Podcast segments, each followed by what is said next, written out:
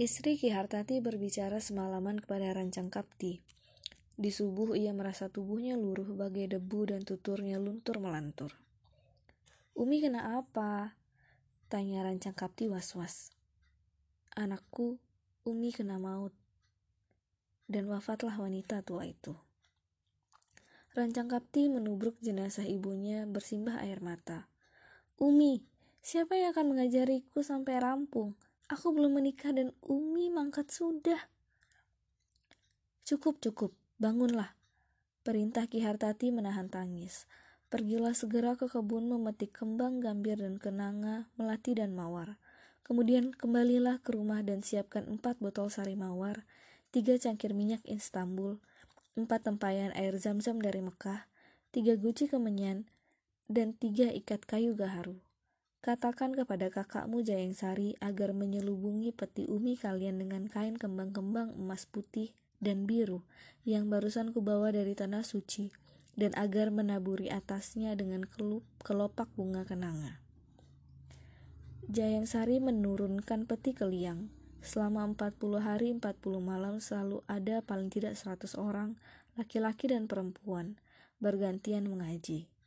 Ki Hartati membagi-bagikan uang dan hartanya kepada semua yang datang melayat. Namun demikian, kekayaan sang nahkoda bukannya habis melainkan bahkan bertambah dari hari ke hari, hal yang mengherankan para tamu. Tapi meski kekayaannya kelihatannya tidak bakal habis, Ihartate tahu bahwa waktunya tidak tersisa lama. Pada seratus hari kematian istrinya, ia menyuruh Jayeng Sari menyembelih seekor kerbau, seekor sapi, domba dan ayam, kambing, bebek, angsa, kalkun.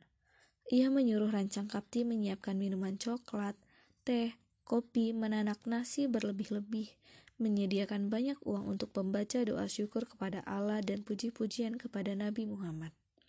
Ketika para tamu telah berkumpul, Ki Hartati mengundang mereka menyantap kenduri kemudian mohon diri harus ke kamarnya sebentar.